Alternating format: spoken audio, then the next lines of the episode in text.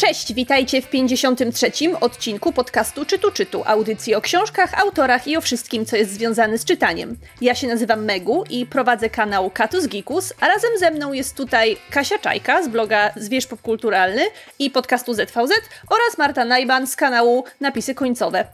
Możecie powiedzieć ładnie cześć. Jesteś, ja, ja jestem w szoku, bo wszystko powiedziałaś tak ładnie i za pierwszym razem. Boże, jak ślicznie po prostu. No dobra. To ja teraz wejdę z ogłoszeniami parafialnymi, żebyście nie, nie, nie, nie wyłączajcie odcinka, to jest początek, a nie koniec. Ale mamy ważne komunikaty dla Was, bo słuchajcie, słuchajcie, są wakacje. Więc chcemy z okazji wakacji zrobić dla Was taki mały live i QA, który odbędzie się 17 lipca. Godzinę jeszcze Wam podam bliżej terminu, ale zarezerwujcie sobie wieczór, wieczór z czytu czytu.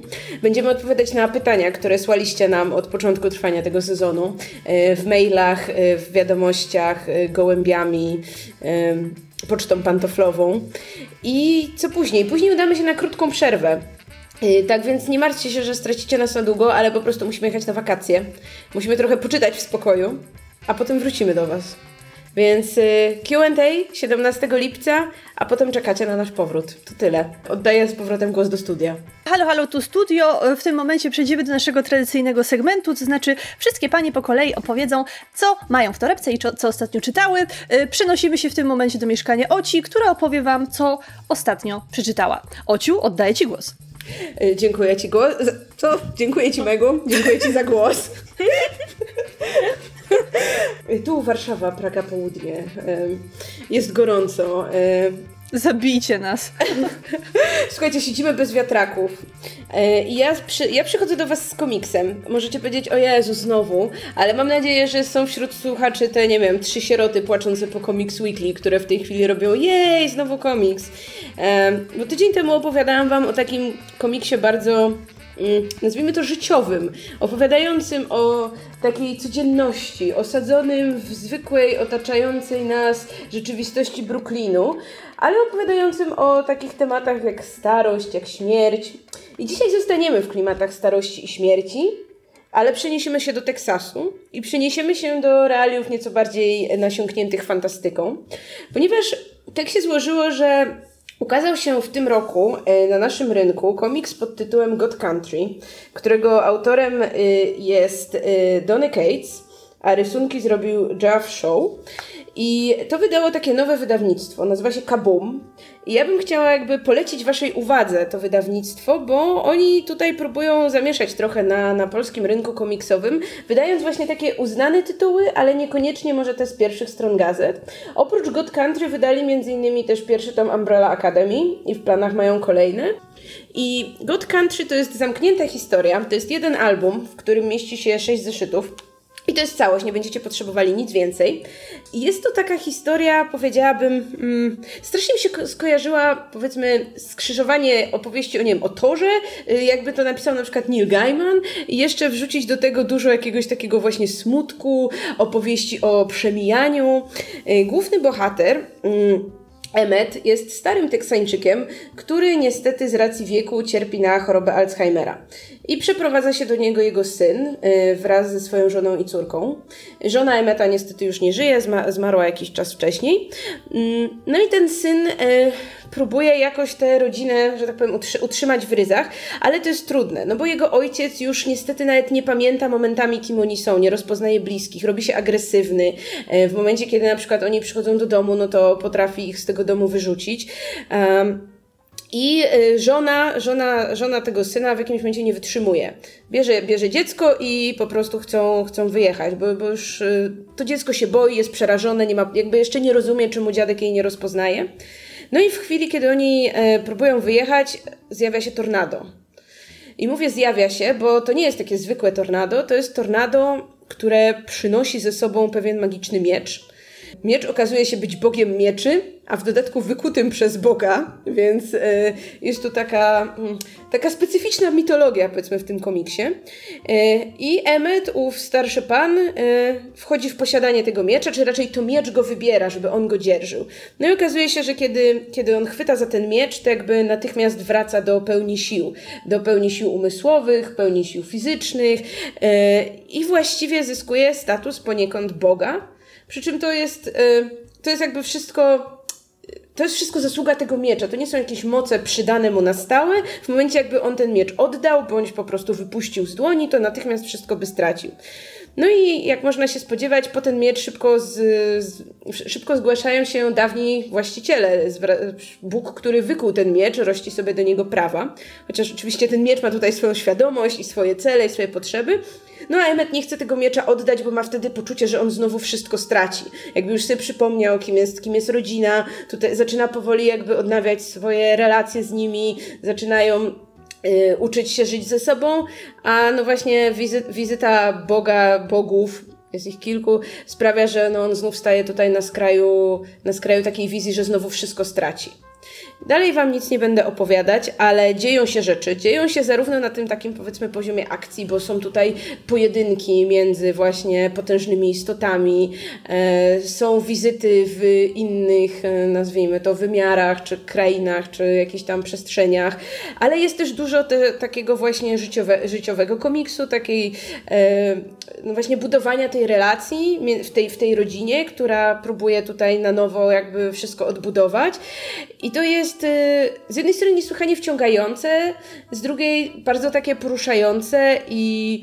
Mm, wzruszające też, zwłaszcza, zwłaszcza y, im bliżej finału, kiedy no, w pewnym momencie jakby zaczynamy widzieć, że no, jest tylko jakby jedna opcja, jak to się wszystko może zakończyć, to, to to już jest ten moment, kiedy tam gdzieś gromadzimy w sobie łzy, żeby potem już na koniec zachlapać nimi kartki komiksu.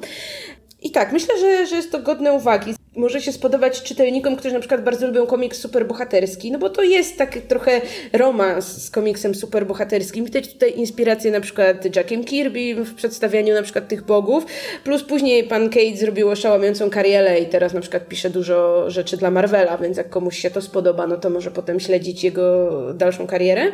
No ale też spodoba się osobom, które właśnie lubią takie, wiecie, zamknięte historie, gdzie kupują sobie jeden tom, nie muszą się martwić, co było wcześniej, co będzie później. Tu jest wszystko zamknięte zamknięte na tych tam 200 y, stronach i, i jakby czuję się satysfakcję z zakończonej lektury. Jakby nie, nie, nie, ma nic, nie ma żadnego dalszego ciągu. No i są świetne rysunki pana Showa, które są takie, takie strasznie chropowate, powiedziałabym jest dosyć dużo tego tuszu, na przykład na postaciach, jakby jest takie dosyć mocne cieniowanie tym tuszem, a z kolei potem nałożone na to kolory są dość mocno takie przytłumione, jest dużo takich właśnie piaskowych barw, zwłaszcza w przedstawieniu Teksasu, gdzie mieszkają bohaterowie. Y, tak więc no, ja bardzo polecam. Będę śledzić, co dalej będzie wydawać wydawnictwo Kabum, bo wydaje mi się, że tutaj mają fajny taki plan na siebie. No i Wam też polecam. To może teraz Megło po swoim komiksie. Właśnie, to taka niespodzianka. Dzisiaj y, nie ma reportażu, y, tylko poszłam w ślady Oci i również przyniosłam ze sobą komiks, chociaż przyniosłam to trochę y, zbyt wielkie słowo, ponieważ nie mam go w formie fizycznej, ponieważ ja zdecydowałam się przeczytać komiks po angielsku, który jeszcze u nas nie wyszedł, a dopiero niedawno ukazał się pierwszy tom zbierający pierwsze pięć zeszytów. Jest to komiks pod tytułem Die. Nie wiem, czy ktoś słyszał o komiksie pod tytułem Die. Daj jak umrzeć, tak? tak? Tak, daj jak umrzeć, tak to brzmi, tak to się zapisuje, jednak to jest taki tytuł troszeczkę dwuznaczny, ponieważ jednocześnie jest to umieranie, a jednocześnie jest to kość do gry do, e, do RPGów. E, ponieważ jest to nowy tytuł autorstwa pana, który się nazywa Kieron Gillen. To jest bardzo gorące nazwisko w tym momencie w świecie komiksowym, ponieważ jest to e, autor takiego tytułu jak Wicked and Divine, które w pewnym momencie stało się bardzo głośnym komiksem. Ja przyznam, że ja się od niego dosyć mocno odbiłam. Przeczytałam bodajże z dwa czy trzy tomy i jakoś mnie to w ogóle nie wciągnęło, chociaż rysunki były wspaniałe. To był komiks o, o bogach róży, różnych panteonów, którzy odradzają się tak jakby w naszym świecie i robią robią różne rzeczy. I on chyba dostał, e, dostał, dostał kilka, kilka nagród i tak jak już mówiłam, e, swego czasu był bardzo, bardzo znany. W tym momencie Kieron Gillen powraca z nowym tytułem, e, który stworzył razem z rysowniczką Stefani Hans, a ponieważ skoro, skoro, skoro jest to Gillen, to to musi być również wydawnictwo Image Comics, które w, w, w tym momencie jest jednym z największych i takich najbardziej artystycznie płodnych e, wydawnictw komiksowych w Ameryce. E, w tym momencie ukazało się siedem zeszytów tego komiksu i tak jak powiedziałam, pierwsze pięć zostały zebrane w, pier w pierwszy tomik dopiero niedawno i o czym to właściwie jest? To jest komiks, który e, będzie gratką dla miłośników RPGów i wszelkich takich e, gier fabularnych ponieważ historia w tym komiksie prezentuje się w ten sposób, że na początku lat 90. kilkoro nastolatków spotyka się razem, żeby grać w jakiegoś takiego dziwnego RPGa. To jest w ogóle e, komiks, który bardzo mocno gra motywem Jumanji, e, więc jeżeli komuś e, się podobał film Jumanji, to ten komiks też powinien mu podejść. Tylko, że dzieciaki, które zaczynają grać w tego RPGa, oczywiście zostają w niego wciągnięte i znikają. Trochę też jak Stranger Things. Takiego, tak. W sensie taki tak. vibe trochę skojarzenia. Tak, tak, tak. Tylko, że akurat ze Stranger Things mi się to w ogóle nie kojarzy, ponieważ tam estetyka jest zupełnie inna w obu tych historiach. Dzieciaki te wracają po dwóch latach. Nikt nie ma pojęcia, co się przez ten czas z nimi działo. Po prostu pewnego dnia e, piątka tych dzieciaków wyskakuje gdzieś tam w lesie, podczas gdy do gry została, wcią- została wciągnięta szóstka. Więc e, wrócili bez jednej osoby, a jedna dziewczyna to w ogóle wraca bez jednej ręki. Przy czym za każdym razem, kiedy ktoś zadaje im pytanie, co się przez ten czas stało, oni mówią, że nie mogą powiedzieć. I przez lata tajemnica tego, co się, co się działo w tej grze, co się tak właściwie z nimi stało, bo oczywiście nikomu nie zdradzają, że tak naprawdę zostali wciągnięci do RPGa, nie wychodzi to na jaw. I w tym momencie przenosimy się w przyszłość o 25 lat do współczesnych nam czasów, kiedy ci ludzie mają już około 40 i pewnego dnia jeden z nich dostaje przesyłkę, w której znajduje zakrwawioną kość do gry. Okazuje się, że jest to kość do gry tego zaginionego chłopca, który razem z nimi został do tej gry wciągnięty i nigdy z niej tak naprawdę nie wyszedł. Ponieważ na początku tego komiksu każdy z nich dostaje y, swoją własną kostkę o różnej liczbie ścianek i to, to, jest, to jest tak jakby taka kostka, która ich reprezentuje. I dopiero, y, to, jest, to jest sam początek tej historii, sam początek tego zeszytu, więc to jeszcze nie jest y, ża ża żaden spoiler, jeżeli powiem, że oni wracają do tego świata tej gry i na nowo zaczynają przeżywać tam różne e, przygody i próbują po prostu wrócić do swojego świata, ponieważ zostali do, zostali do tego świata tej gry wciągnięci wbrew swojej woli i jako dorośli ludzie z dorosłymi problemami wcale nie mieli ochoty tam wracać, bardziej kierowało nimi to, żeby odnaleźć tego zaginionego kolegę i dowiedzieć się, co tak naprawdę się z nim stało. I yy, sam koncept na komiks wydaje się mi być bardzo ciekawy, bardzo na czasie, zwłaszcza w momencie, kiedy wiecie, jest boom na RPG, zwłaszcza na dedeki, bo ludzie oglądają Critical Role i tak jak Ocia również grają. I sesje na podsłuchu, I sesje na podsłuchu, oczywiście. Naj, najba, najpopularniejszy po Critical Role e, e, podcast, czy tam e, audycja na temat RPGów, oczywiście polecamy, żeby ich śledzić. Jednocześnie jest to takie pogrywanie tymi motywami związanymi z e, fantastyką, która też w tym momencie, e, powiedzmy, wraca trochę do łask. I e, mnie się komiks bardzo podoba estetycznie, ponieważ to nie jest taki oczywisty styl. Rysowniczka, która, która tutaj tworzy ilustracje, czyli wspomniana już Stephanie Ellis, ona się bardzo sprawnie posługuje kolorem. Tak jak ty, Ociu, mówiłaś, że u ciebie te obrazki były takie chropowate i tam było dużo takiego grania tuszem, to ona tutaj rysuje w taki sposób, jakby wzięła taki gruby pędzel farb olejnych i po prostu waliła takimi grubymi pasami po płótnie.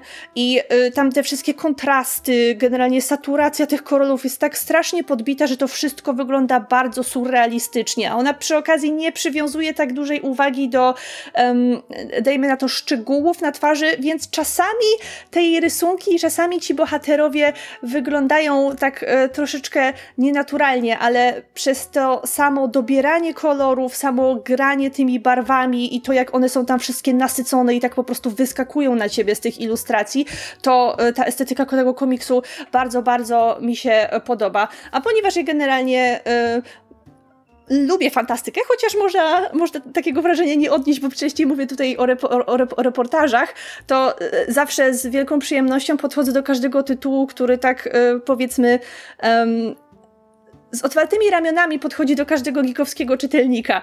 I to jest właśnie coś takiego, co można w tym e, w, komi w komiksie Daj e, odczuć. Przy okazji pojawiają się tam takie motywy typu, e, że ktoś tam próbuje, znaczy scenarzysta próbuje rozważać e, motywacje kierujące innymi twórcami fantazy, takimi naprawdę bardzo znanymi. Tam są takie, takie, takie e, taki dziwny motyw w okolicach e, trzeciego zeszytu, kiedy on nawiązuje do bardzo konkretnego, bardzo znanego jednego twórcy i do tego, co on mógłby pomyśleć o dzisiejszym wykorzystywaniu jego postaci i interpretowaniu jego dzieł. Nie chcę mówić o kogo chodzi, bo e, to mogłoby zepsuć niektórym e, nie, nie, niespodziankę, niemniej jednak podejmowanie refleksji na takie tematy, takiego, to jest taka próba trochę głębszego wejścia w, e, w fantazy i RPG, e, to jest w tym komiksie coś e, całkiem interesującego. Niemniej jednak po pięciu zeszytach jeszcze trudno, trudno mi tak e, całościowo ocenić tę historię, zwłaszcza, że to jest taki pierwszy story arc, który w tym momencie jest już zamknięty i bodajże w sierpniu ma się ukazać, e, chociaż nie, on się już tam ukazuje, jest szósty i siódmy numer, który już wyszedł, więc tam kolejna historia w tym świecie się już e, zaczęła, ale jeżeli ktoś lubi RPG i lubi fantastykę i lubi bardzo ładnie narysowane komiksy, to myślę, że to jest tytuł, który wielu osobom e, mógłby mógłby podejść. Także ja jeszcze się będę zastanawiać, czy będę do niego wracać, bo, bo ja dosyć rzadko czytam komiksy i musi być coś tak naprawdę e, interesującego, żebym, żebym po dany tytuł się, sięgnęła, a ten akurat polecił mi e, Krzysiek, który zawsze w tym podcaście jest duchem, niekoniecznie, niekoniecznie ciałem. Także myślę, że na razie ten e, pierwszy tom mogę ze spokojem ducha e, polecić. Zobaczę, jak to się będzie wszystko rozwijało. E, niemniej jednak, tak jak już powiedziałam, dla ludzi lubiących RPG i dobrą estety estetykę komiksową, to może być bardzo ciekawy tytuł. No dobrze, to teraz przekażemy głos do studia na Słodowcu, żeby dowiedzieć się, co Kasia przeczytała w tym tygodniu i co miała w swojej torebce. Dzień dobry, dzień dobry, to Słodowiec, witam.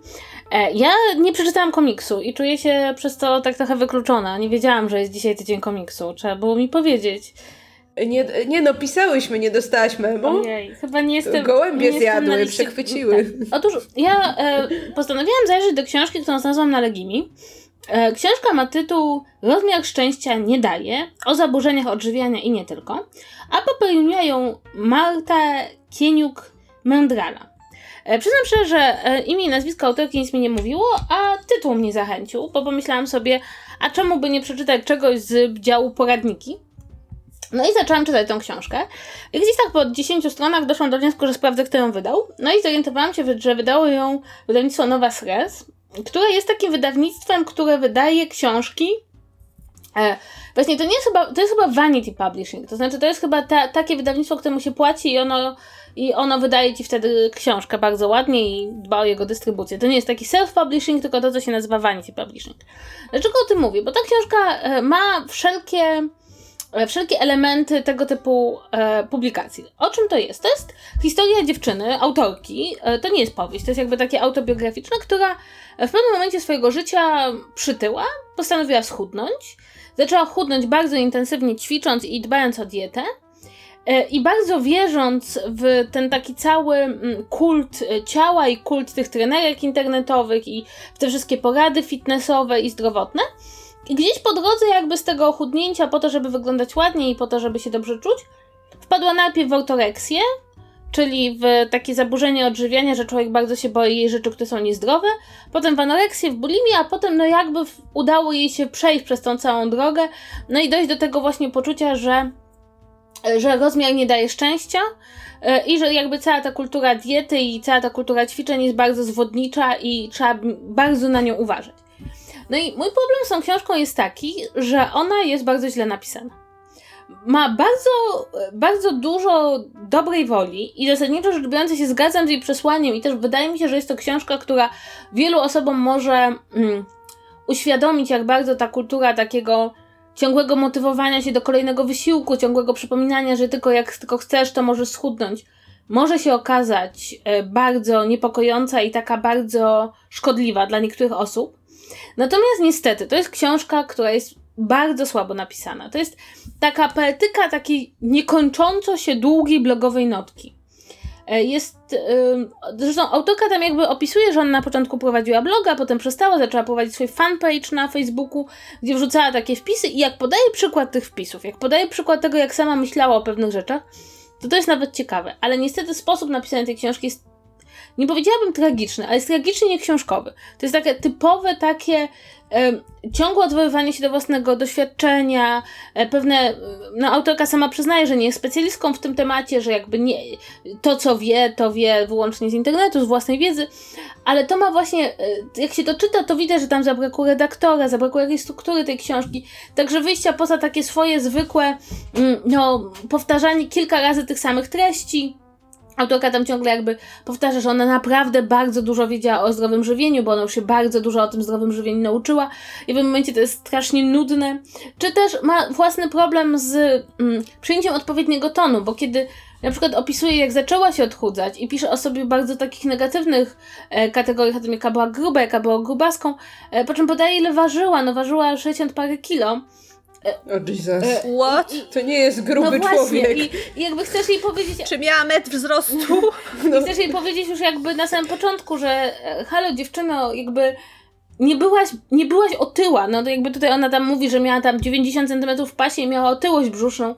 I masz takie, ej, czy ty wiesz, że już ten język, którego nadal, ten język, którego stosujesz względem siebie, to jest język osoby, która bardzo mocno bardzo mocno postrzega jednak pewne rzeczy niewłaściwie. No i ja jakby nie mam do niej pretensji, ale jednocześnie tu się łączy słuszna intencja którą, i taka słuszna intencja podzielenia się własnym doświadczeniem, e, jednak z tym, że ma, cały czas masz świadomość, że czytasz książkę osoby, która, której to doświadczenie jednak nie jest na tyle zweryfikowane przez wiedzę medyczną, czy przez jakby przez poczytanie o różnych rzeczach, żeby można było wyjść właściwie poza, poza tą opowieść jej własną o tym, jak ona żyje. Inna sprawa jest taka, że ta książka jest pełna takich daleko idących uogólnień, które są bardzo. Widać, że autorka nie do końca odróżnia to, jak ona postrzega rzeczywistość, od tego, jak rzeczywistość ewentualnie może wyglądać, jak inni ludzie mogą ją postrzegać, jak ona może wpływać na innych ludzi. Inna sprawa jest też taka, że ona opisuje jakby e, moment, w którym wszystko było jeszcze ok. No i no i to jest moment, w którym zdecydowanie nie było ok, i to już widać po prostu po tym, jak ona to opisuje. Więc mm, widzisz, że to taka, jakby zaczynasz dostrzegać, że ona musiała mieć pewne problemy, e, zwłaszcza z poczuciem kontroli nad własnym życiem, no jakby nawet niekoniecznie związane z jedzeniem. I, no i w każdym razie muszę powiedzieć, że jest dokładnie ten przykład, dlaczego moim zdaniem tego typu książki są może nieszkodliwe, e, ale nie robią tak wielkiej przysługi autorom, jak mogłoby im się wydawać, ponieważ istnieje pewien rodzaj książek, które jednak mimo wszystko niekoniecznie powinny wyjść i to nie dlatego, że one są bardzo złe, tylko dlatego, że ich autorzy nie mają do powiedzenia niczego więcej poza tym, że no byłam, bo jakby cała historia bohaterki jest taka, że schudłam i to było dobre, ale potem popadłam w anoreksję i to było złe, a potem sobie uświadomiłam, że to chudnięcie nie, nie daje pełni szczęścia, uważajcie na siebie, bo kultura bycia na diecie jest szkodliwa. I to jest cała historia tej bohaterki. I mam wrażenie, że z tego się nie da zrobić książki, a zwłaszcza nie da się zrobić poradnika, bo ja nie, nie odczuwam tej książki jako poradnika, tylko bardziej jako spowiedź. Więc y, trochę się nacięłam, chociaż y, uważam, że słusznie, że autorka w ogóle książkę napisała i nie uważam, że słusznie, że książkę napisała, słusznie, że się dzieli swoimi doświadczeniami i przeżyciami. Mm, no też można powiedzieć, że w kontekście tego rzeczywiście kultu fitnessu to takie, mm, takie przekazywane przez ona nadal jest bardzo szczupłą dziewczyną. Przez takie dziewczyny, którym się udało schudnąć, takie świadectwo o tym, że to jest szkodliwe, ma swój plus. To znaczy, jakby nie skarżą się na tą, na tą kulturę diety wyłącznie dziewczyny, którym się nie udało, czy które nie chcą, nie chcą na tą dietę przejść. No, w każdym razie nie, nie polecam jakoś bardzo książki, ale. Ale można przeczytać. To jest 180 stron wszystkiego, to się czyta błyskawicznie. E, no jeśli lubicie bardzo długie blogowe notki o tym, jak ktoś chudł i schudł za bardzo i potem znowu przytył i to już było dobre, to, to możecie to przeczytać. Ale, ale to jest, no to, to jest taka książka, którą myślę, że jakieś wydawnictwo mogłoby odrzucić, a tutaj, a tutaj się pojawiła. I to wszystko, co mam do powiedzenia na ten temat. Chyba, że macie jakieś pytania. Nie, ale skoro zaczęłaś mówić, skoro zaczęłaś mówić na tak ciekawy temat, e, to od razu zdradzimy, że e, Kasia była takim naszym wstępniakiem do głównego tematu dzisiejszego odcinka, bo mianowicie chciałybyśmy porozmawiać sobie dzisiaj o takim rodzaju książek, który chyba na naszej antenie się jeszcze dotychczas nie pojawiał, a jeżeli tak, to tylko bardzo, bardzo rzadko w pojedynczych przypadkach, ponieważ porozmawiamy sobie dzisiaj o poradnikach. Katarzyna omówiła jeden poradnik, jak się dowiedzieliśmy, nie był ten poradnik najlepszej jakości, więc generalnie dzisiaj nad tą jakością poradników i czytelnictwem poradników zastanowimy się trochę szerzej, ponieważ z tego co pamiętam, wydaje się, że segment porad poradnikowy to jest jakaś ogromna, ogromna część rynku czytelniczego. Tak, to znaczy, jakby przejrzeć te listy bestsellerów, to poradniki regularnie y, są jakby między nimi wplecione, plus są jakby osobne listy, które zbierają tylko poradniki, gdzie niektóre pozycje to od wielu, wielu lat y, się znajdują, czy tam potem ich kolejne inkarnacje. Ja przyglądałam dzisiaj z ciekawości takie listy, żeby zobaczyć, w jakich sprawach ludzie się radzą. No i wniosek jest z tego taki, że najczęściej radzą się jak żyć. Jest na przykład książka o, nie wiem, zjednywaniu sobie ludzi, która została napisana w 1937 roku, która do dzisiaj jest wznawiana, tam trochę uzupełniana i po prostu ludzie cały czas to czytają. To jest cały czas y, tam któryś tam bestseller i po prostu ludzie dalej nie wiedzą, jak nawiązywać przyjaźnie, jak po prostu rozmawiać z innymi ludźmi. Y, jest osobna ta gałąź takiej, yy, takich powiedzmy poradników, nie wiem, randkowych, związkowych, uczuciowych, gdzie też zawsze jest jakiś hitowy tytuł i ludzie próbują rozkminić, no nie wiem, jak tu się umawiać, jak być w związku, jak, nie wiem, jak się zakochać.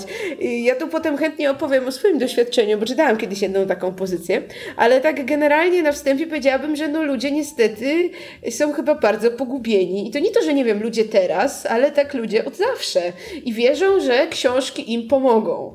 Pytanie, czy jest to słuszne założenie, bo wydaje mi się, że y, w niektórych sytuacjach może tak, ale w większości pewnie niekoniecznie. Jest też taki bardzo, bardzo stary poradnik, o ty, y, który, do, z którego do dzisiaj ludzie korzystają, jeżeli chcą się dowiedzieć, jak gnoić innych w internecie. Nazywa się Erystyka Schopenhauera. bardzo, bardzo dawno ludzie czytają. O, to bardzo fajny poradnik z kolei. Ale jest, istnieje jeszcze jedna kategoria poradników i wydaje mi się, że paradoksalnie może to być najstarsza kategoria poradników i najbardziej umocowana na rynku. I to są poradniki, jak wychować dzieci. I to są niesamowite, ponieważ te poradniki są zawsze wewnętrznie sprzeczne, to znaczy sprzeczne między sobą, ale odpowiadają na jedno, e, moim zdaniem, fundamentalne pytanie, czego ludzie absolutnie nie wiedzą i czują się zagubieni, kiedy mają do czynienia z własnym dzieckiem. Istnieje taka e, słynna e, seria poradników, jak mówić, żeby dzieci nas słuchały. I jest to seria poradników, która promuje najbardziej nienaturalny sposób mówienia do dzieci, jaki można sobie wyobrazić, ale ogólnie rzecz biorąc, to takie właśnie poradniki dotyczące wychowania dzieci do XIX wieku możemy je, e, możemy je wycofać, znaczy możemy je prześledzić. I pewnymi poradnikami, które są absolutnie zawsze na rynku i też zaczynają się już w XVIII wieku, to znaczy jak się zaczyna druk, to są podręczniki dobrego wychowania. Co też pokazuje, że e, zawsze jak znajdujemy się w jakiejś nowej życiowej sytuacji, to nie wiemy jak się zachować. Tym, co. Ale mówimy o takim typowym savoir-vivre, tak? To, to takim savoir-vivre, ale także bardzo często jest tak, że e, są takie poradniki dotyczące o jeszcze prowadzenia domu. To jest jeszcze takie e, w dziewię... A, perfekcyjna pani Tak, domu. w XIX wieku to się nazywało poradniki o, po, o powinnościach. I to były o powinnościach o, kobiet, ładnie. o powinnościach żony. E, I to były właśnie takie, jak, jak tutaj trochę coś ugotować, zaprać, e, prześcieradło. Teraz mam od tego Google'a, albo, albo programy telewizyjne, albo takie... Małgorzatę Rozenek. Małgorzatę Rozenek od tego. Natomiast jedna rzecz, która mnie absolutnie fascynuje w, w poradnikach, to jest to, że jeśli na rynku pojawi się poradnik na jakiś temat, którego dotychczas nie było, to on się nigdy nie pojawia sam. E, zwróćcie uwagę, że w ostatnich latach mieliśmy takie fale poradników. Na przykład, kiedy wyszło Hygge, to po, Oj, tak. to po Hygge wyszło chyba z 15 różnych książek, które albo były kontynuacją poradnika o Hygge, czyli o takim komfortowym, takim domowym stylu życia, albo na przykład mówiły Hygge po duńsku, po szwedzku, po norwesku, po polsku, po polsku też było. Jak, jak to się nazywało po polsku? Czekajcie, nic się nie stało, czy coś innego? Jakoś to będzie się nazywało. Jakoś to będzie, tak. tak. E, teraz na przykład niesamowicie modny jest Zero Waste, w związku z tym, e, jak sprawdzałam listę bestsellerów poradnikowych e, Empiku, tam chyba było 6 poradników Zero Waste, Stop Plastikowi. Teraz wyszły równocześnie dwa, dwie książki. Jedna o tym, że jak dobrze być bezdzietnym, a druga o tym, jak y, wychowywać dzieci kompletnie nie przejmując się tym, że się je ma. Więc takie na zasadzie. Co? Tak, no, Poważnie? Tak, bo dziecko, ja o tym nie słyszałam. Tak.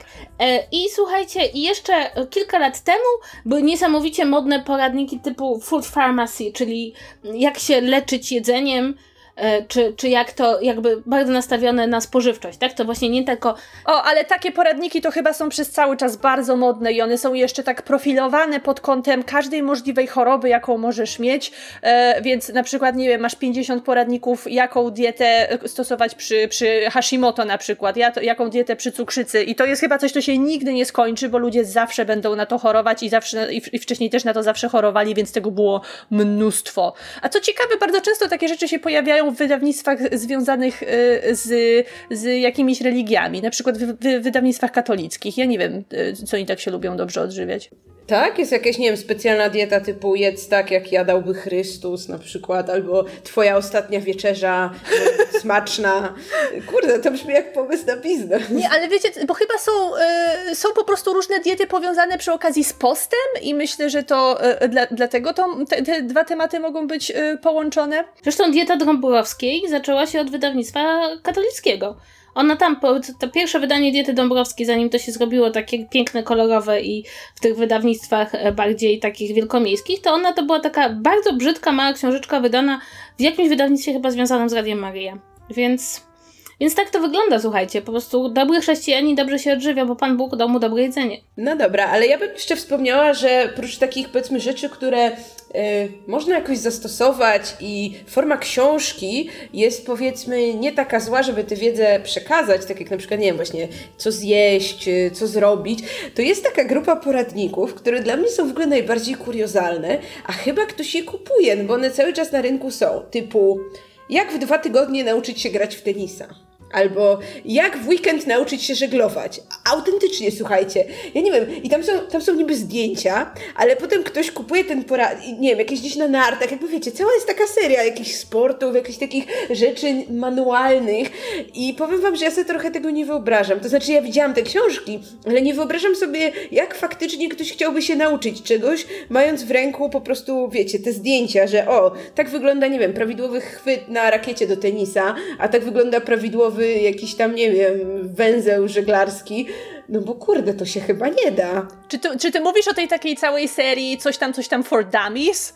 Yy, nie, jest taka, czy to też kojarzę i podejrzewam, że to też podpada, ale jest taka seria coś tam, coś tam w weekend, gdzie właśnie uczymy się wszystkiego, kurczę, jeszcze w dwa dni. W dwa dni nauczysz się żeglować, grać w tenisa, uprawiać judo, cokolwiek, nie? ja chciałabym powiedzieć, że ja się uczyłam wiązania węzłów żeglarskich z książki. Jakby no, no tak, bo jak masz kurs na kurs żeglarski, to zawsze do tego jest podręcznik tak, jednak. Tak, więc e, to, znaczy, ja wam muszę powiedzieć, że dla mnie, e, mnie najbardziej fascynują te poradniki psychologiczne, Głównie dlatego, że kiedyś z moim bratem młodszym, który jest e, złośliwą bestią, poszliśmy przed świętami do księgarni i księgarni właściwie cała półka nowości, które wyszły specjalnie na, na święta, to były wyłącznie poradniki. Ale ja i zaczęliśmy grać w zabawę, to znaczy, co możesz komuś zasygnalizować, kupując mu taki poradnik na prezent? I wiecie, tam było schudnij w 40 dni, to było, że ktoś jest gruby, albo jak być asertywnym, to znaczy, że ktoś jest nieasertywnym, albo jak przestać się martwić, to znaczy, że ktoś jest zbyt neurotyczny. I prawda jest taka, że ja mam e, wrażenie, że do pewnego stopnia ta kultura e, czytania i publikowania poradników e, jest dosyć symptomatyczna dla, nasz, dla, dla zmian społecznych. Znaczy, wydaje mi się, że coraz więcej osób e, zdaje sobie sprawę, czy nie chce korzystać z mądrości swojego otoczenia. Albo dlatego, że to otoczenie mu się zmniejszyło, albo dlatego, że na przykład, no nie wiem, nie, nie zapytasz o poradę dietetyczną swojej mamy czy babci, ponieważ e, nasze podejście do diety zmieniło się tak, zmienia się tak dynamicznie, że one już nie będą wiedziały. I tutaj człowiek w wielu ży życiowych sytuacjach trafia w taką lukę i szuka specjalisty, bo ogólnie rzecz biorąc żyjemy w świecie, który bardzo ceni specjalizację.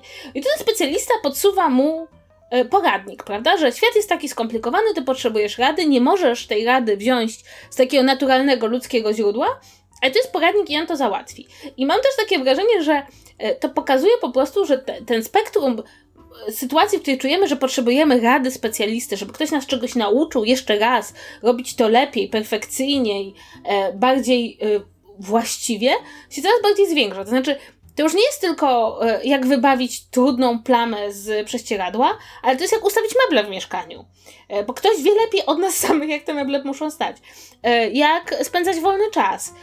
Jak robić zakupy, tak? No bo my nie umiemy robić zakupów, bo, bo źle czytamy etykietki. Jak sprzątać szafę. Albo kupujemy za dużo, bo teraz jest moda na ten taki, wiecie, żeby mieć jak najmniej rzeczy, prawda? Jest chyba jakaś taka, mm, nie wiem, szkoła życia wręcz, żeby mieć do 100 przedmiotów w domu. No to szkoła Marie Kondo, prawda? A czy to cię uszczęśliwia? Jeżeli cię to nie uszczęśliwia, no to to wyrzuć. Znaczy u Marie Kondo chyba nie ma tak, wiesz, konkretnie liczb, ale autentycznie taki, wiesz, jest taki minimalizm, gdzie faktycznie odliczasz rzeczy i masz mieć łącznie ileś, gdzie łącznie liczysz, nie wiem, ubrania, garnki yy, i po prostu wyrzucasz absolutnie wszystko i tam, nie wiem, no, zostaje, nie masz żadnych książek w domu na przykład, no bo po co ci książki? Możesz tam, nie wiem, iść do biblioteki, możesz czytać tylko e-booki, jakby, jak ktoś tak chce, no to spoko, ale wiecie, że są są takie całe książki, które uczą cię, jak masz tego dokonać, mimo że no zakładam, że jak ktoś chce, to sobie poradzi. A tu są te takie książki, które starają się ludzi bardzo wciskać w jakieś ramy. Bo o ile wyobrażam sobie, że wiecie, poradnik na przykład, jak nie wiem, jak usunąć plamę z wina, no to, to wino mniej więcej będzie się zachowywać podobnie we wszystkich warunkach i zakładam, że to, co pomoże, nie wiem, Kasi, pomoże też Megu, pomoże też mnie i tak dalej. Ale w momencie, jak zaczynamy ludzi wciskać w te ramy poradnikowe, no to to się robi problem, bo radzimy wszystkim to tak. samo i to nie ma prawa zadziałać. Ej, przeglądam sobie właśnie e, listę bestsellerów, jeżeli chodzi o poradniki Empiku i e, widzę takie e, dwa trendy. Dwa najpopularniejsze trendy, które zdążyłam wyłuskać, to to jest skóra i sekrety piękna koreanek i poradniki związane ze zwierzątkami, przy czym jeden poradnik nosi tytuł, uwaga, nie uwierzycie, nazywa się Aria do mnie. I to nie ja go wow. napisałam. Jesteś pewna? Ale jest o piesku, nie o kotku. Tak, nie, jest o piesku, więc to nie mogłam być ja. Ja mam wrażenie, że w ogóle poradniki do pewnego stopnia y, pokazują, jak bardzo ludzie chcą dwóch rzeczy. Jedno to takie, żeby ktoś im powiedział dokładnie, co mają zrobić, jaką instrukcję mają wypełnić. A druga, że w ogóle istnieją na wszystko jakieś instrukcje. To znaczy, że ktoś odkrył jakąś metodę, że coś, co tobie sprawia problem, czy i nie jest plamą z wina, na pewno, na pewno zadziała że, że jeśli, jeśli na przykład, i są ludzie, którzy czytają poradniki na zasadzie takiej, że jeśli ten poradnik się nie sprawdził, no to nie zaczynamy wątpić w to, czy poradniki na przykład, jak wychowywać własne dzieci, których ten człowiek, który napisał poradnik nie widział na oczy, to nie mają takiego na zasadzie, może, może te poradniki nie są najlepsze, tylko nie, wezmę następny poradnik i jeszcze następny i w końcu któryś z nich mi powie, jak, co mam robić. I ja mam też do pewnego stopnia wrażenie, że to się bierze z tego, że ludzie bardzo boją się metody prób i błędów. To znaczy boją się robić rzeczy, po prostu zacząć robić rzeczy i wyjdzie w praniu. Tylko szukają kogoś, kto im powie dokładnie, jak on to zrobił, jak on odniósł sukces, jak prawda dzięki, dzięki tej, te, te, temu kremowi to on już ma po prostu, czy ona skórę dwudziestolatki. E, I, I oni już wierzą, że tak będzie dobrze. I ja osobiście mam takie poczucie, że, że to jest do pewnego stopnia jakiś taki objaw takiego większego zagubienia w tym naszym świecie, a także tego, że chyba, chyba mamy coraz mniej czasu i chcemy takich coraz szybszych metod, e, żeby, żeby osiągnąć sukces. Tak, że chcemy takiej konkretnej instrukcji, prawda? Tak jak, nie wiem, właśnie idziemy do jakiejś pracy, powiedzmy w korpo i tam robimy coś, do czego mamy, nie wiem, instrukcję, ktoś napisał, ktoś zrobił taki, wiecie, manual, że robisz po kolei tej, tej, tej kroki i potem rezultat będzie taki i taki. No to tak samo liczymy na to, że tak nam się powiedzie w tych, powiedzmy, bardziej takich zniuansowanych sferach życia. No i to, wydaje mi się, nie ma prawa działać, bo mimo wszystko, tak jak powiedziałam, no jesteśmy trochę, trochę się za bardzo różnimy. Ja, ja tutaj przytoczę, no bo tak jak wspomniałam na początku, zdarzyło mi się czytać cały jeden poradnik dotyczący y, spraw damsko-męskich. I to było dawno, to było, y, mam tutaj napisane 2013 rok. Czy to było Mężczyźni są z Marsa, kobiety z Wenus? Nie, to było Nie zależy mu na tobie.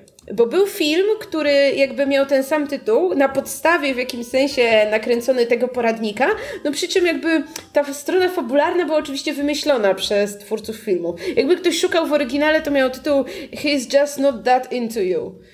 Y, I to tak w wolnym tłumaczeniu to było bardziej on nie leci na ciebie, coś w tym stylu. Y, no i słuchajcie, no i to jest poradnik, który sprowadza się do dwóch rzeczy. Jedna to do pisania takich absolutnie trywialnych yy, takich myśli, na które no chyba wpa wpadnie absolutnie każdy, kto, kto nie wiem, ma mózg, kto usiądzie i pomyśli nad tym. Czyli, no nie wiem, jeśli on nie proponuje ci spotkań, to znaczy, że nie chce się z tobą spotykać. Albo jeśli on umawia się z kimś innym, to znaczy, że nie chce się umawiać z tobą. Autenty, autentycznie, to, to, to, to są jakby złote myśli w tej książce. No a druga rzecz, to jest już z kolei właśnie to wciskanie ludzi w ramy, że kiedy mamy jakieś, nie wiem, takie powiedzmy zniuansowane sytuacje, typu, no nie wiem, ktoś nie wie, czy jest gotowy na związek, czy nie, to wiecie, to może mieć milion przyczyn, to może mieć milion powodów, to może być faktycznie czyjś powód, to może być wybieg, bo ktoś po prostu nie umie inaczej ci odmówić i tak dalej, ale ta książka wrzuca tak wszystkich do jednego wora.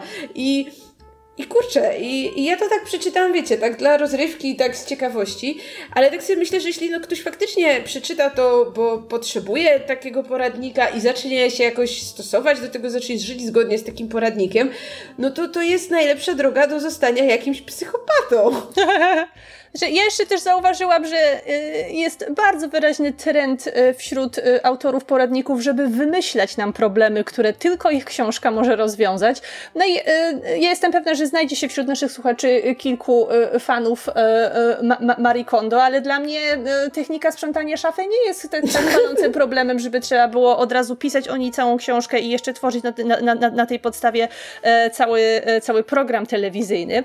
Ale jeszcze muszę dodać, że przejrzałam tę listę listę Empiku e, dalej i tam jest kontynuacja książki o Ari, nazywa się Aria Nie i przed chwilą musiałam to wręcz powiedzieć, bo kot zaczął mi się tulić do e, mikrofonu. Ale Kasia, kiedy mówiłaś o tym, e, czego ludzie tak e, naprawdę potrzebują i czego szukają w tych poradnikach, myślę, że e, nie poruszyłyśmy jeszcze jednego bardzo ważnego tematu, bardzo obecnego na rynku poradnikowym, a są to oczywiście pieniądze, ponieważ poradników o tym, jak zostać milionerem, jak zarobić swój pierwszy milion, jak grać na giełdzie i jak założyć firmę jest po prostu multum. E, nie wiem, chociażby książki Michała Szafrańskiego podpadają trochę pod ten trend, przy czym, ponieważ jest to jeden z niewielu poradników, które naprawdę przeczytałam, one rzeczywiście są przydatne, ponieważ dotyczą obcowania z pieniądzem, które dotykają każdego z nas, to znaczy chodzi o nasz budżet domowy i tak dalej, ale ja na przykład e, kiedyś w gimnazjum jeszcze przeczytałam taką książkę, która jest jedną z bardziej znanych i powiedzmy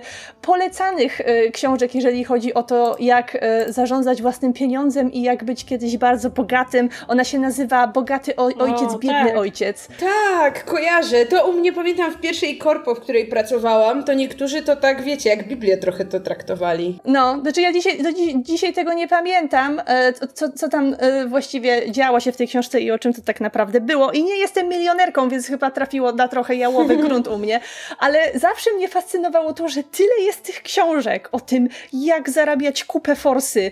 I yy, nie wydaje mi się, żeby autorzy tych książek rzeczywiście byli yy, takimi ludźmi, którzy zarabiają te kupę forsy i byli autorytetami w tej dziedzinie, żeby nie, no, o na tym pisać książki, zarobili więc to jest coś, forsy. czego ja nigdy nie widziałam. No ale nie aż Słuchajcie, tyle bo ja tłumaczyłam takie książki. To ja wam opowiem. Dobrze. Ja sobie to, w ogóle ja sobie to przypomniałam w tym momencie, to jest niesamowite, no, że nie skojarzyłam tego wcześniej. tak, dokładnie, ale dopiero jak zaczęłaś o tym mówić, bo ja tłumaczyłam książki z pogranicza właśnie takiego powiedzmy coachingu i IT, y, czyli poradniki ludzi, którzy dorobili się niesamowitych pieniędzy, na przykład na aplikacjach mobilnych albo na jakimś e, marketingu w social media. No i, i pamiętam y, y, najlepiej taką książkę pana, który y, nazywał siebie laptopowym milionerem i uważał, że każdy z was może być laptopowym milionerem i pracować dwie godziny dziennie i mieszkać w jakimś raju podatkowym, bo mimo, że był milionerem, to nie chciał uczciwie płacić podatków w Stanach Zjednoczonych, słuchajcie. Ci ludzie I są po, okropni. I po prostu jego, jego taktyka polegała na tym, że tworzysz taki główny produkt, i sprzedajesz go całej masy, masie ludzi. Yy, I później sprzedajesz wszystko powiązane z tym gównoproduktem. Typu tworzysz e-booka. E-book typu, nie wiem, yy, 10 rad jak zarobić. Bo to jeszcze jest w takim zamkniętym kole. Jesteś biedna, ale tworzysz e-booka 10 rad jak zarobić i później sprzedajesz go jako yy, webinarium, jako szkolenie internetowe, jako, nie wiem, dostęp do zamkniętej grupy na Facebooku, jako spotkania jakieś tam jeszcze jakiejś węższej grupy ludzi. Potem potem jeszcze robisz do tego aplikację.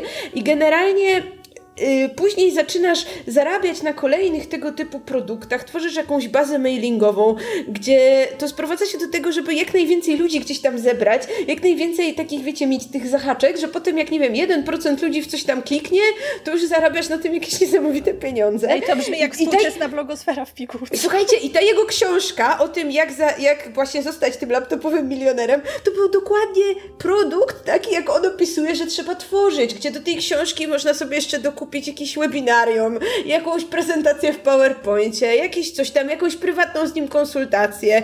I i słuchajcie, i, i to brzmi jak taka, wiecie, taka bańka cała i właśnie tak jak Mego mówi, jak się człowiek rozejrzy, jest cała masa ludzi, która robi coś takiego, że wypuszcza jedną rzecz, a potem ją opakowuje 10 razy i 10 razy ją sprzedaje i potem sprzedaje książkę o tym, jak to zrobić, żeby żyć tak jak oni. To jest trochę jak coaching, gdzie coach też sprzedaje ci swój sukces, nawet jeśli jeszcze go nie osiągnął, po to, żebyś ty uwierzył, że on go osiągnął i dał mu te pieniądze za tę jego książkę, które dopiero go wzbogacą. wzbogacą. I, I to jest w ogóle niesamowite, jak dużo ludzi się na to łapie. No bo, come on, kto by nie chciał pracować dwóch godzin dziennie i być milionerem, prawda?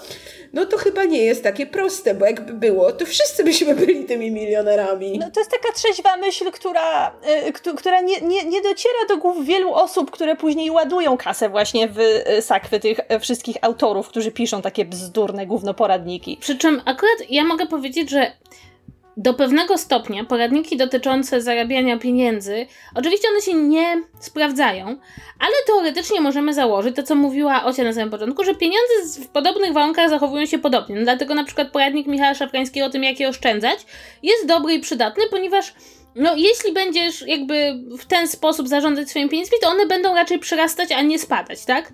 No bo jakby zachowują się w sposób podobny. No dla mnie nie dziwi, że ludzie szukają poradników, jak zarobić pieniądze, bo to jest, jakby poradniki wypełniają tą taką lukę że chcesz coś mieć, a tego nie masz. Chcesz mieć y, związek, a go nie masz. Chcesz mieć dobre relacje, a ich nie masz. Chcesz mieć pięknie uporządkowaną szafę, a ich nie masz. Znajdziesz odpowiedni poradnik i poradnik zapewni ci ten taki idealny przepis, jak to mieć.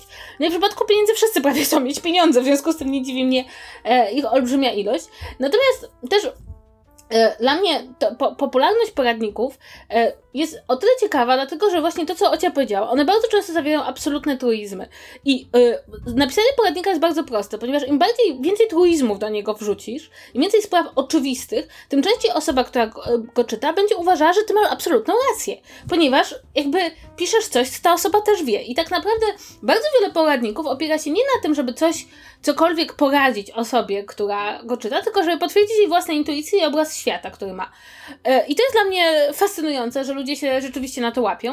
E, no ale się łapią i co więcej, wydaje mi się, że jeśli spojrzymy na współczesny rynek e, książki, to dostrzeżemy, że trochę on poradnikami stoi. To znaczy, oczywiście wydaje się powieści, oczywiście wydaje się biografie i wydaje się książki popularno-naukowe, ale tak naprawdę, jeśli byśmy mieli spojrzeć na te książki, które są co tydzień nowe, i co tydzień zobaczymy je przy wejściu do księgarni, nieważne jakiej, to to są kolejny stos poradników. E, I bardzo się zastanawiam, nie wiem jakby do jakiego stopnia tak naprawdę rynek książki, e, nawet tej książki beletrystyki, stoi na ramionach wydawania całego mnóstwa poradników, e, które są do siebie bardzo często bliźniaczo podobne, czy właśnie wykorzystują pewne trendy. I to, jestem, druga rzecz, która mnie zastanawia, ile osób te poradniki kupuje, a ile je czyta. Bo istnieje jeszcze jeden taki trend, że jeśli chcesz zmienić cokolwiek w swoim życiu, chcesz rozpocząć jakiś nowy rozdział, no to idziesz do sklepu, kupujesz 20 poradników, jak rozpocząć nowy rozdział w życiu, ale nigdy ich nie czytasz. Jakby sam fakt kupienia poradnika jest takim faktem przedsięwzięcia jakiegoś działania. E, czy na przykład nie sprzątasz tej szafy, jak Marie Kondo ci kazała, ale czytasz tą książkę. Bo w ten sposób to jest jakby taki egzat zrobienia czegoś naprawdę w swoim życiu.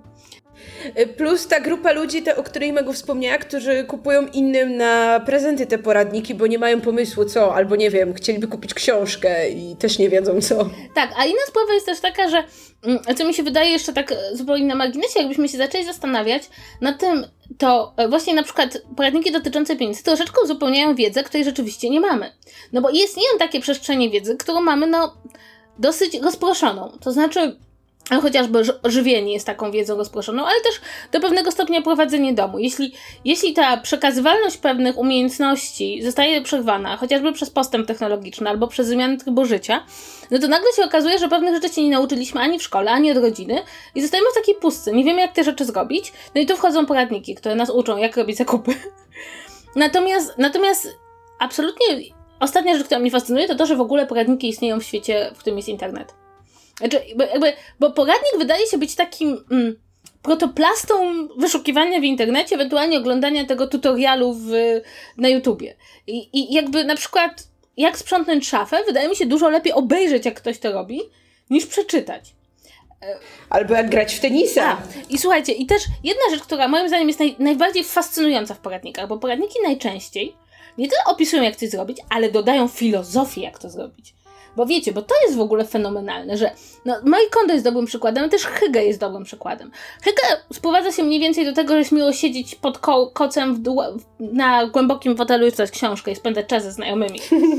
o, przepraszam bardzo, to ja, ja to robię, a nawet nie musiałam czytać tej książki. Może powinnam napisać własny Może Megu źle to ale robisz. jest różnica pomiędzy robieniem tego, a byciem Hyge. I to jest ta różnica tej ideologii. I tak naprawdę to, co ja uważam, że w poradnikach jest najbardziej szkodliwe, to niekoniecznie to, że one dają lepsze czy gorsze rady, bo to już życie zweryfikuje, tylko że one dodają ideolo. Nie, ty nie jesz e, zdrowo, tylko masz food pharmacy. E, ty nie sprzątasz szafy, tylko masz ten styl Marie Kondo. Ty nie siedzisz pod kocem z książką, tylko masz hygę. I jakby to wprowadza ten element jakiegoś takiego ideologii, filozofii, jakiegoś takiego całościowego spojrzenia na twoje życie, do czynności... Tak, do czynności, które niekoniecznie w ogóle tego potrzebują, no on, no. Dla mnie to świetnie, jakby to jak sprzątasz szafę nie definiuje tego, jakim jesteś człowiekiem, tak?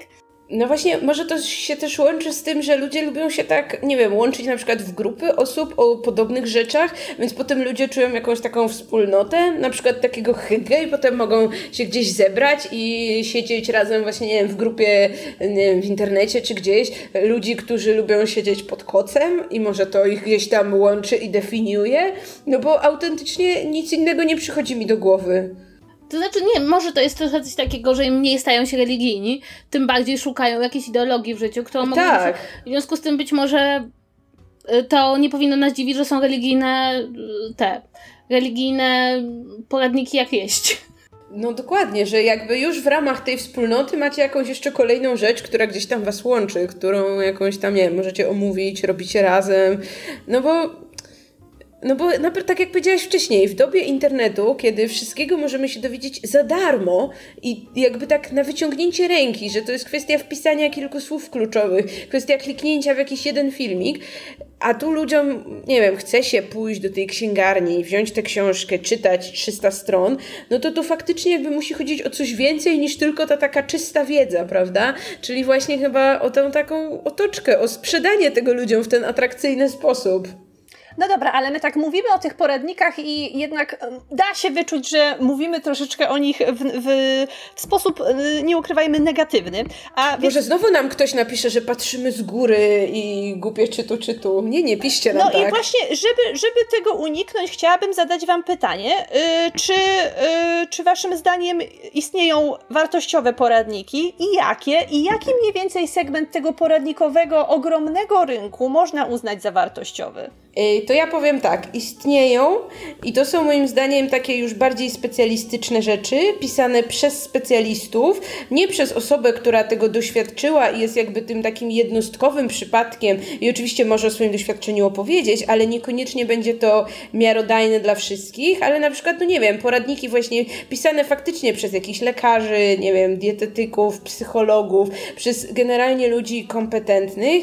Jeśli... Ale czy to wciąż są poradniki, czy to już są takie książki naukowe. No, pytanie, jak to jest ujęte. No ja na przykład jedyny poradnik tego typu, ja go zresztą omawiałam w którymś z wcześniejszych odcinków podcastu w poprzednim sezonie i to miało y, wyraźnie formę poradnikową. To była książka Sztuka obsługi penisa Przemysława Pilarskiego i Andrzeja Gryżewskiego, bo to miało taką formę, wiecie, pytanie, problem, odpowiedź, y, ujęte jeszcze w wywiad z, z lekarzem i wydaje mi się, że to jak najbardziej było poradnikiem dla ludzi szukających odpowiedzi na pewne kwestie, które ich nurtują, związane z seksualnością.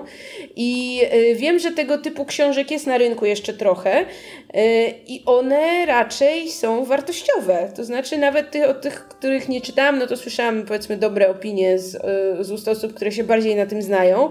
I to nie są rzeczy, które zawsze na przykład mają odpowiedź na wszystko, które często przy jakichś kwestiach na przykład mówią, że o, to jest sprawa, z którą na przykład należy iść do lekarza, do specjalisty takiego czy owego, ale jednocześnie w wielu kwestiach są w stanie pomóc i są w stanie pomóc ludziom trochę inaczej myśleć a niekoniecznie każą im od razu właśnie zmieniać całe swoje życie, czy wprowadzają jakąś filozofię. Więc, no więc ja bym wskazała tego typu książki. Na ile to uznacie za poradniki, no to już powiedzmy bardziej taka indywidualna kwestia. Ja uważam, że tym, co odróżnia dobre poradniki od złych, jest kategoryczność wypowiedzi autora.